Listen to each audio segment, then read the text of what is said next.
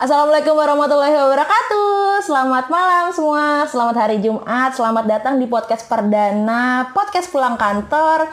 Kenalin, gue Sundari, tuan rumah podcast pulang kantor. Tapi gue nggak sendirian di sini karena gue punya partner buat siaran. Halo. Hai, gue Jul. Di sini gue partner kantornya Sundari untuk eh, nemenin apa sih yang kita mau bahas dan untuk teman-teman yang lagi ngedengerin eh, podcast pulang kantor ini apa kabarnya kalian semua rekan kantor Semoga teman kantor baik-baik aja. Jo, sehat? sehat Gimana kantor?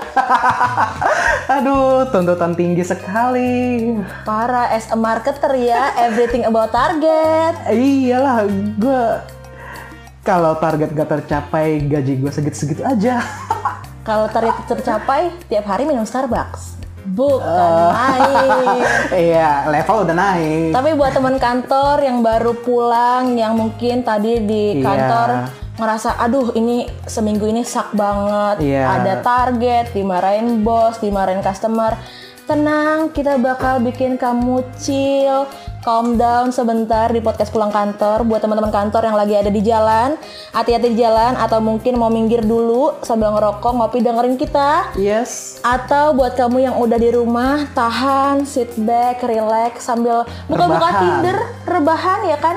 Buka-buka Tinder, buka-buka Badu atau dating application lain sambil dengerin kita. WeChat, ya Allah masih ada WeChat. WeChat kayaknya penggunanya sedikit Tantan ya kan? ah iya tantan Apa masih ada yang main Bitok? Banyak banget. Tapi gue juga emang lagi apa ya? Lagi addicted sih buat main-main aplikasi kayak gitu. Lu ngeliatin gue kan dari tadi Iya. main handphone, cuma swipe gue tuh right, mikirnya lu tuh swipe left. kayak apa kayak kayak lagi ngurusin klien gitu kan gue mikirnya lu ngapain sih main HP mulu sampai gue lagi ngobrol kayak gini ngerasa kayak gue lagi lecturing lu gitu cuma satu arah doang katanya gue kaget aja sih Di, Iya. apaan sih lu? Iya Jo, soalnya tuh gue tuh lagi seru banget main dating application. Terus kayak ini lucu ya, gue swipe right. Ah ini ganggu nih bionya, gue swipe left aja deh. Terus kalau gue ngerasa kayak tadi nih ada satu yang interest ya udah gue intro aja gitu main-main aplikasi kayak gini. Nyenengin sih, Iya. walaupun ya ada yang bikin boring tapi ya udah balik-balik lagi ke aplikasi kayak ginian. Udah gitu aja. Tapi lu sendiri pernah gak sih main-main aplikasi kayak gini? pernah sampai sekarang masih Masih. Masih. Berarti gue nggak sendirian dong.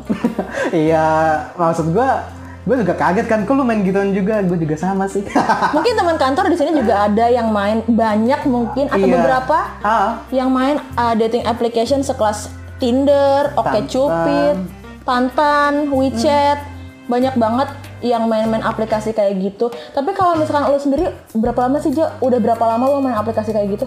Gua untuk main aplikasi ini sih sekitar akhir 2018 sih. Pokoknya seinget gue tuh se- September kayaknya deh. Berarti udah setahun, udah hampir setahun yang cukup lama ya? Iya, hampir setahun lah. Main aplikasi, dating application. Happy nggak sih lo main kayak gituan?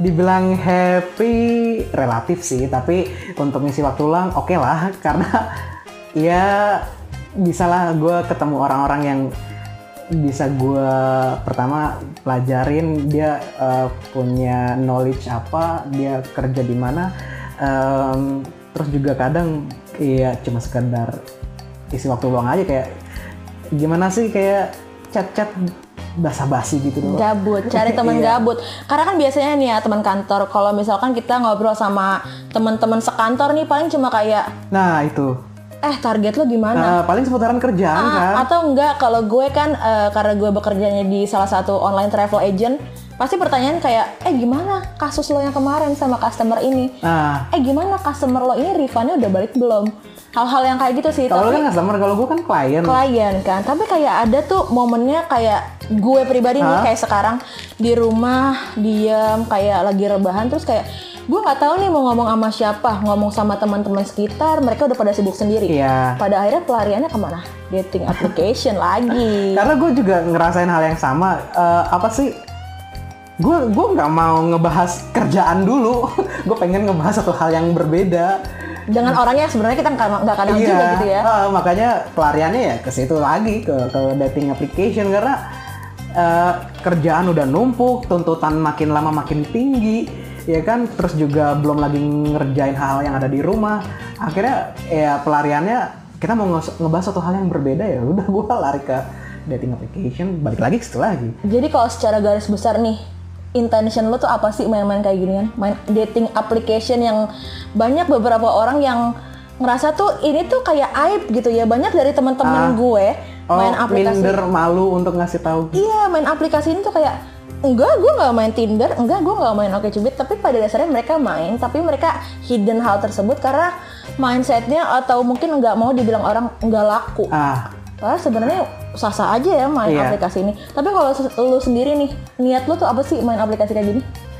awalnya tuh gue karena penasaran ada temen gue yang eh, apa bikin status di WhatsApp yang ngasih tahu tentang berita mahasiswi di Bandung tuh ngelaporin ke polisi kasus pemerkosaannya dia karena perkenalan di Tinder. Gue kaget kan, masa sih? Nah dari situlah gue mulai coba, gue mulai penasaran. Emang pengguna dating application serendah itu untuk eh, merelakan dirinya dijamah oleh orang lain yang benar-benar nggak dikenal sama sekali yang ngerasain comfort itu baru sebentar doang. Gue penasaran kayak gitu. Oh, jadi kalau Bapak Jodici ini bisa dibilang gabut juga. Terus kayak eh, bahan observasi kayaknya ya Tinder ini ya. Iya, ya gimana sih? Gue ngerasa orang-orang di sekitar gue, teman-teman di sekitar gue apa di rumah gue gitu, mereka itu eh, paling sungkan untuk diajak ngobrol yang intens banget. Kalau gue ngajak ngobrol kayak gitu, paling ada beberapa orang doang yang benar-benar emang kita udah deket banget, barulah diajak ngobrol yang seintens itu mau. Tapi kok ini mau? Padahal kenalan juga belum lama-lama banget dan mau merelakan dirinya untuk dijamah. Gue kan penasaran. Kok bisa sih?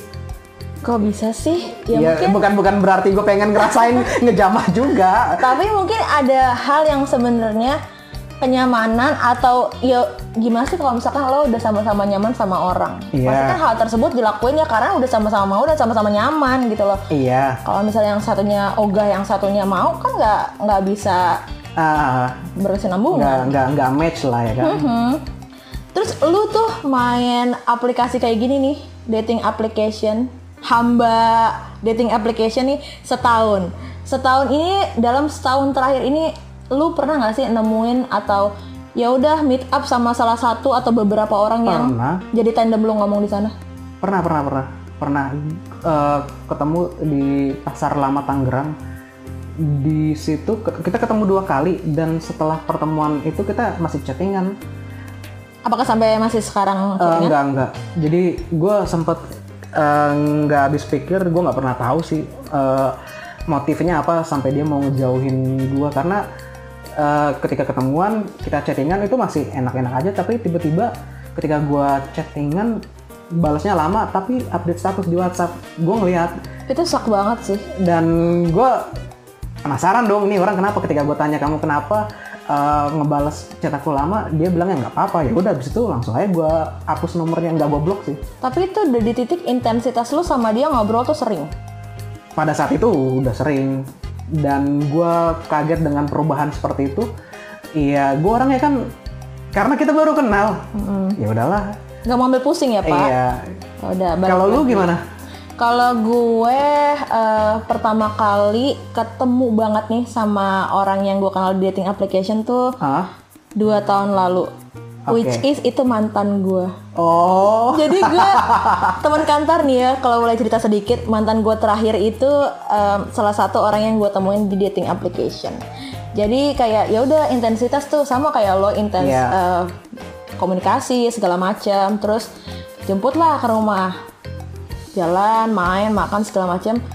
Ya baper-baper anak muda gimana sih kan? Oke. Terus ya udah pacaran, bla bla bla, putus.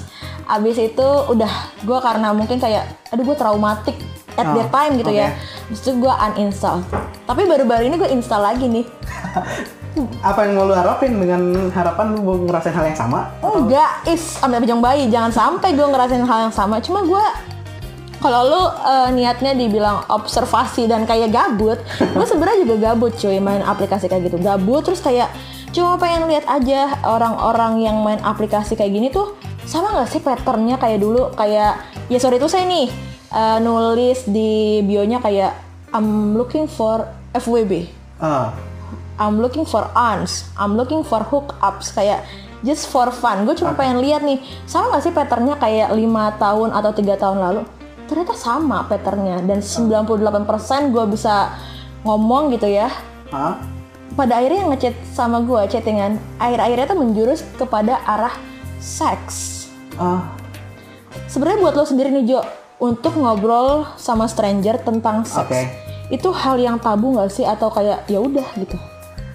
honestly gue ngerasa uh, kalau masih baru kenal tahap baru kenal itu adalah hal yang gue hindarin dulu gue pengen dapetin chemistry dulu uh, terus juga gue pengen tahu dulu backgroundnya dia tuh kayak gimana. Baru gue uh, berani untuk ngebahas tentang seks. Karena um, gue nggak terlalu mau ngejurus ke arah sana. Karena itu ya balik lagi hal yang tabu ya tapi di tempat tapi kan kita. beda beda kepala beda pemikiran. Iya. mungkin ada yang main dating application karena emang mau menyalurkan hasratnya. Ada yang ya pokoknya beda-beda motif sih. Tapi kalau gue pribadi untuk ngebahas hal itu benar-benar gue uh, match dulu nih sama si wanita ini untuk dari segi pola pikir terus dari Kenyamanan juga? Iya, Kak. Uh, kenyamanannya itu terus juga ya udah mulai tau lah satu sama lain Intinya nyaman dulu sih. Baru kalau misalnya kita uh, lo atau ya lo lah, maksudnya kalau udah ngerasa nyaman pasti kan untuk ngomong ke situ pun gak ada sesuatu yang kayak really annoying gitu loh karena Iya, satu sama udah udah nyaman. Iya, gue punya temen cewek dan dia eh, cerita ke gue kalau dia punya penyakit ini apa didiagnosa sama dokter ini kanker rahim. Ini belum belum belum pernah menikah dan belum pernah berhubungan seks sampai dokter kaget. Dokter itu waktu ngediagnosa sempat nanya, kamu udah berapa kali berhubungan seks? Dia tuh kaget, nggak pernah dok. Dokter tuh sempat nggak percaya. Kok kamu bisa eh, ngalamin kanker rahim kayak gini dan eh, dia ini bakalan susah banget untuk nyeritain hal itu karena ini kan satu hal yang sensitif. Apalagi eh, penyakitnya ini organ dalam. Dan gue pun ngerasa duh gue gimana nih ketika dia cerita kalau di bagian sini lo sakitnya sakit banget terus pendarahan ya lu, lu pernah gak sih kalau orang nyeritain hal itu ngebayangin gimana Iya, gua sementara gue belum pernah ngeliat Gue nggak dengernya aja udah ngilu sebagai perempuan gitu loh. iya ngilu T- tapi kan kalau lu ngilu karena ya lu I have it. Iya, lu bisa lah mengimajinasikan. Gue ngelihat belum pernah, terus gue ngebayangin gimana rasa sakit pendarahan terus ya kalau dia cerita kayak gitu, hal yang gue lakuin ya udah lu cerita aja. Gue nggak mau ngebayangin, gue mau berempati aja dulu. Tapi Tapi itu memang susah banget.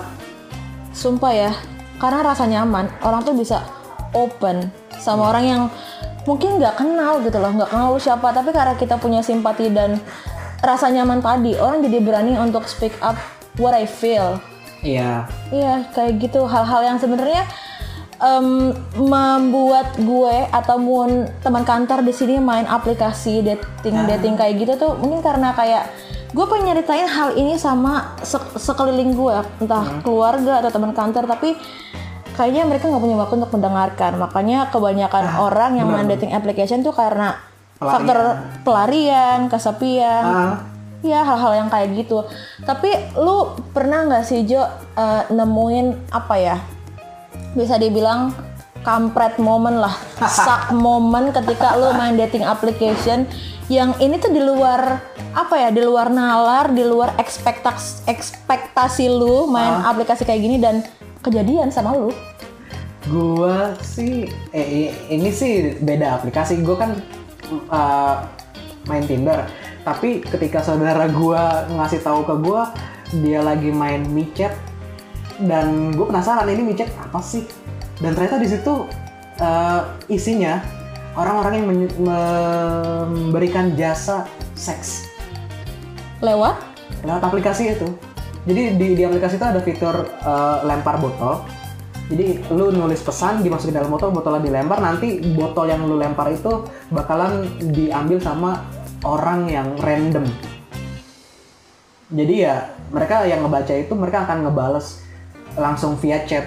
Nah, gue sempat ngedapetin pesan botol gitu, itu langsung tulisannya open BO. Terus ada lagi eh, VCS 50.000 pulsa selama 60 menit. VCS, VCS itu apa sih? Gue nggak ngerti tuh hal-hal Nah, kayak gitu. open BO ini open booking jadi Heeh. mereka yang menawarkan jasa seksual kayak gitu istilahnya kayak gitu namanya open BO. Oh jadi bisnis through dating application gitu. Iya. Terus VCS itu video call sex. Oh my god. Nah, yang saksnya itu adalah gue pernah ketipu. Jadi eh, mereka kan nawarin tarif 50.000 VCS video call sex itu untuk satu jam. Terus gue nggak mau langsung percaya gitu aja. Gue nego. gue bilang kan kan gue I am the new user di sini. Gue bilang gitu kan. Dan baru pertama kali ngerasain hal ini terus nego. newbie gitu Iya kan. Terus gue tawar lah 10.000 pulsa gimana? 5 menit aja begitu. Sepuluh ribu men, gila Eh. bahasa di rumah gue aja dua belas ribu. Karena gue mikirnya gue kalau misalnya ketipu, sengaja sepuluh ribu itu nggak terlalu gede banget lah. Oh ya udah sedekah, sedekah, sodakoh. Dan itu beneran aja ketika gue transfer, gue gue gue isiin pulsa sepuluh ribu, itu nomor gue langsung diblokir. At that time, Iya, eh gila. Langsung diblokir. Jadi V, VCS itu nggak ada. Nggak ada. Oh my god. Apa ada agensinya kali ya? Oh, gue nggak tahu tuh. Tapi gue sempat kaget. Ada ini nih berita yang masih hangat banget sih. Eh, anggota DPR di Padang itu dia ngelakuin pencitraan dengan cara dia nyewa eh, pekerja seks di micet ini aplikasi micet terus ngajakin eh, main di hotel. Nah, jadi si eh, PSK ini si wanita ini digerebek dengan cara si anggota DPR ini mesen nanti anak buahnya ini yang ditemuin sama si wanita ini. Jadi ketika mereka udah di hotel baru dah mereka digerebek dengan alasan melakukan prostitusi. Gila. Gue kayak denger detektif Conan kayak gitu rasanya. Dan gue yang bikin gue lucu adalah si wanitanya bilang gini, saya dipakai dulu baru digerebek. gue ngerasa lucu. Ya gimana? Iya maksud gue anggota DPR kalau emang mau ngelakuin pencitraan boleh lah, tapi jangan se-freak ini untuk ngelakuin tindakan karena kan katanya eh, mereka udah ngelakuin hubungan oral seks baru digerebek. Lu bayangin, lu udah dicobain dan lu belum dibayar lu langsung dimasukin dalam penjara. Aduh, gue nggak bisa ngomong apa-apa, speechless gue denger ya. Gue juga apa ngerasa simpati dengan wanita ini. Yang salah ini bukan wanitanya, tapi si anggota DPR-nya. Akhirnya anggota DPR ini dicopot loh sama apa partainya sendiri. Jadi kayak playing victim ya jatuhnya. Jadi dia ini nggak bakalan dijadikan calon legislatif di periode depan. Kasian banget. Tapi itu kayak gitu-gitu apaan sih motivasinya? Kok nggak ngerti? Gak ngerti gue. Enggak soalnya rapi banget ya kayak eh, pemikirannya tuh visioner banget. Iya. Maksudnya kayak nyampe banget hal-hal yang rapi gitu kan. Banyak banget hal-hal yang kayak gitu. Kayak yang tadi nih kita tonton nih Oh, videonya iya. di YouTube. Aha. Jadi ini teman kantor kalau boleh cerita Nah, sedikit ya. Iya. Gue tadi sama Jodici sebelum ngobrolin tentang Tinder ini, eh, aplikasi Nggak dating online doang deh. sih. Iya, dating online. Gue sama Jodici lagi nonton video YouTube-nya salah satu storyteller namanya Kak Yuvi Pan. Kalau kalian eh, curious about it, kalian bisa cari Yuvi Pan Tinder. Itu gue ngeliat videonya dia karena emang gue suka banget sama video-videonya dia. Jadi eh, ceritanya itu cewek dari mana Jo? Norwegia. cewek dari Norwegia itu eh, kenalan sama cowok di Tinder. Terus ya saling intens, deket sampai akhirnya cowok ini tuh eh, ngedeketin dan ngasih eh, penjemputan jet pribadi sama cewek tersebut buat jalan-jalan. Ah, Terus cowok ini ternyata seorang triliuner. Dekat lah diajak jalan-jalan ke mana pun pakai jet pribadi pakai eh, apa tuh namanya bodyguard ya Iya. Terus pada akhirnya klimaksnya cowok ini minjem duit, suruh cewek ini minjem duit ke bank buat bisnis berlian.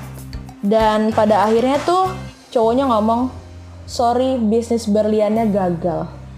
Nah itu benar-benar si cewek frustasi banget kan? Frustasi banget dan Karena- ternyata bisnis berliannya nggak ada.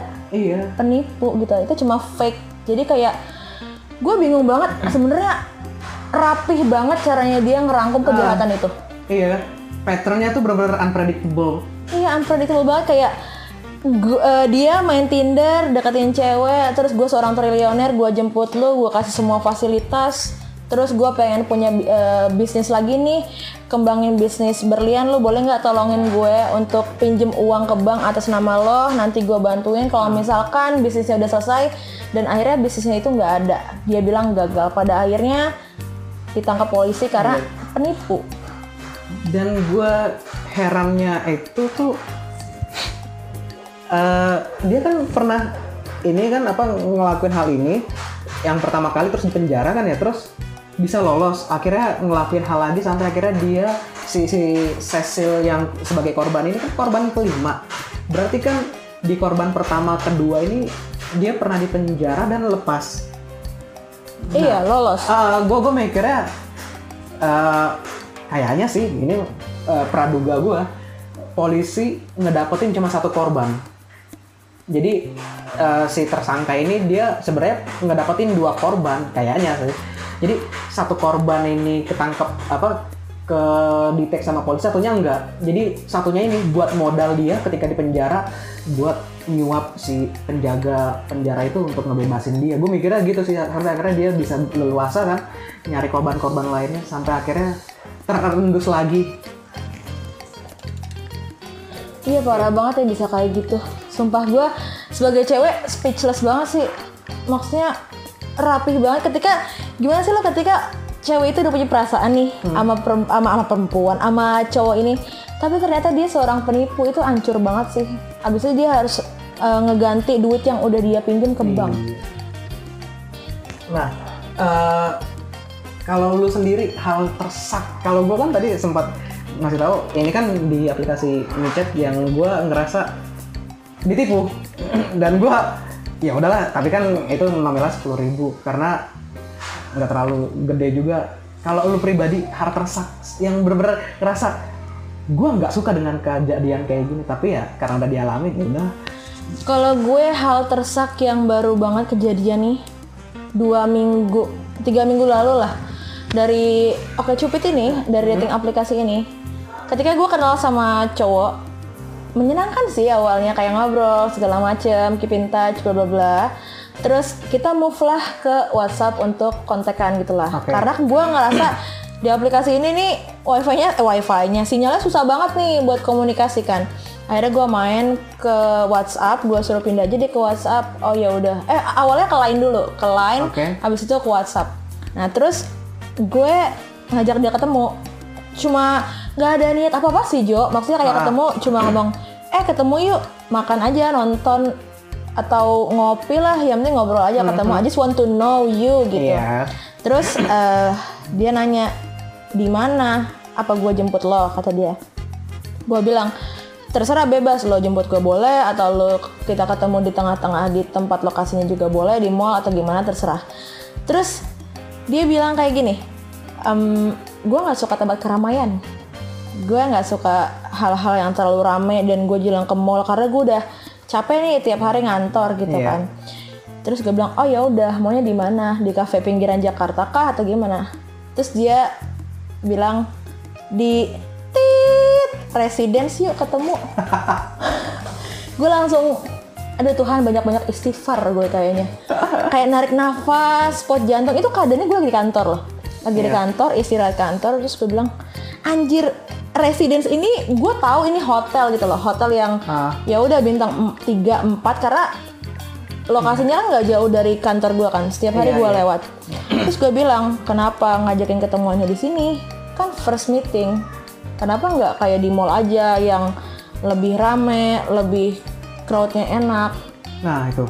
Terus dia ngomong balik lagi gue nggak terlalu suka tempat ramai dan gue nggak mau jalan-jalan di tempat ramai lo tenang aja nggak perlu takut gue nggak bakal ngapa-ngapain lo Tapi lu percaya nggak? Enggak. Gila, bayangin temen kantor ketika lu baru kenal sama orang yang bener-bener stranger nih, lu nggak tahu dia siapa. Terus ketika mau ketemuan, diajakin ketemuannya di hotel. Pasti dong, nggak akan percaya gitu loh. Ya amit-amit yang baik kalau gue satu hotel sa- terus dikunciin terus dipapain, kan we don't know gitu loh. Kita nggak tahu akan gimana nantinya. Karena banyak banget yang lo ceritain tadi tentang yang mahasiswa di Bandung ya, Ah, terus iya kejadian itu. gua tadi itu banyak banget hal-hal yang apa ya kejahatan seksual tuh berasal dari aplikasi dating kayak gini sebenarnya sih ya gue pribadi ngerasa kalau dari gue sih ya nggak salah main aplikasi pencarian jodoh kayak gini karena ya pertama tadi kadang orang punya rasa kesepian dan butuh tempat pelampiasan atau nyalurinnya Iya. Kedua banyak banget teman-teman gue yang pada akhirnya menikah dan punya anak karena dapat jodoh dari dating application. Iya. Tapi nggak menutup kemungkinan dan banyak juga orang-orang yang Memanfaatkan untuk ya suatu hal yang memanfaatkan negatif. hal yang negatif. Salah satunya kayak sexual harassment kayak gitu, Apalagi kayak eh, penipuan kayak tadi. penipuan, kasus penipuan yang kita nggak tahu kirain tuh cuma ada di berita. Ternyata tuh hal-hal kayak gitu banyak dan itu berasal dari dating application. Ah, Tapi kalau lu nih Jo sebagai pemain setahunan di tempat pencarian jodoh, hampir lah. hampir setahunan, gimana sih cara lu antisipasi biar hal-hal kayak gitu tuh gak kejadian lagi di hidup lu?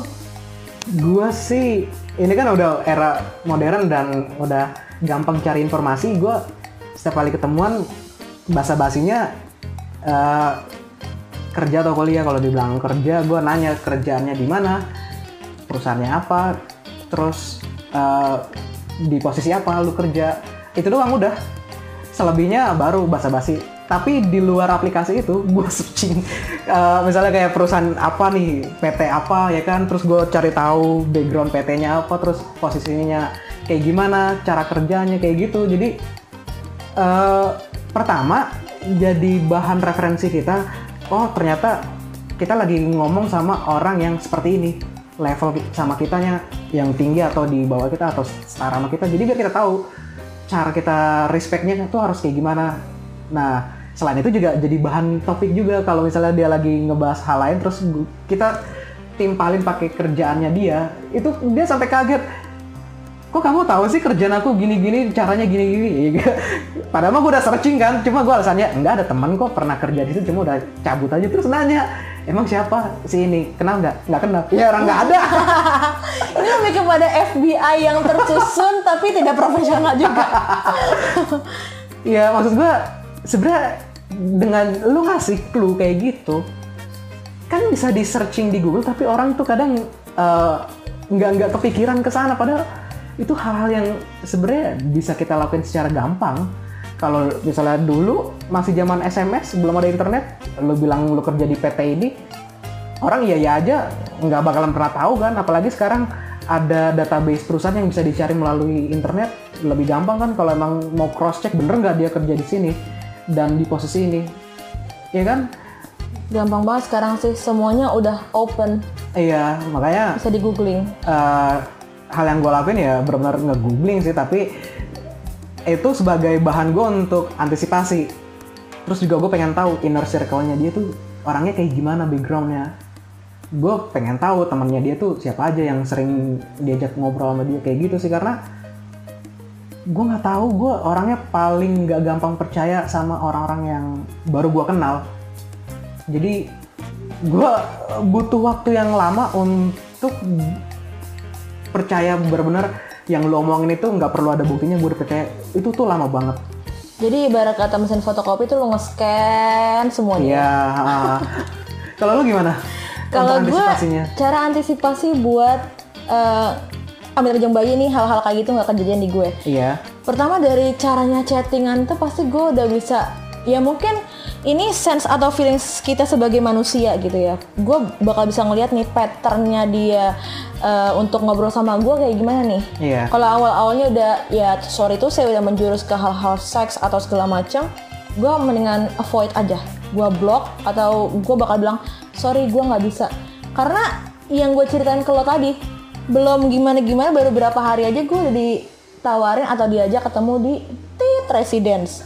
itu tuh sak banget menurut gue kayak kayak gitu sih terus kayak yang lo bilang tadi jangan gampang percaya juga sama orang pelajarin semuanya dulu deh backgroundnya Iya. gitu loh terus em, yang ketiga ini lebih ke perempuan sih Oh oke. untuk nggak gampang baper sama orang yang sebenarnya lo belum kenal Nah karena itu per- penting tuh. iya penting banget karena kebanyakan orang gini ya nggak usah munafik ya banyak orang yang pacaran kayak virtual pacaran gitu Iya iya. tapi mereka belum ketemu tapi tuh pu- punya rasa Ah, saling sayang Iya gitu iya. ah.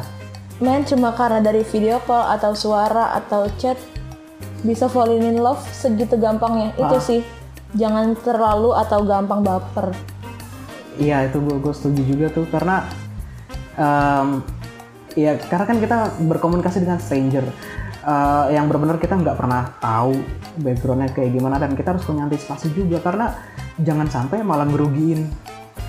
Gue mikirnya sih gini, gue nggak mau yang gue lakuin sekarang ini jadi penyesalan gue di masa depan. Parah sih. Karena apa ya? Gue nggak tahu sih. Gue emang orangnya tuh eh, kalau gue secara pribadi orangnya ragu-ragu mulu skeptis mulu. Jadi mau maju enggak maju enggak enggak deh. Enggak usah deh. Tapi kalau udah udah percaya ya lo mau kayak gimana udah tenang aja. Gue bakalan ngikutin maunya lu. Kayak gitu gue nggak tahu. Nah ya tadi balik lagi sih karena eh, rasa penasaran gue ke eh, yang ada di berita itu kalau ada mahasiswa yang lapor ke polisi kalau dia diperkosa gara-gara kenalan dari aplikasi dating ini ya kan gue mikirnya emang segampang itu lu ngerelain tubuh lu dijamah sama orang lain? Asik di jamah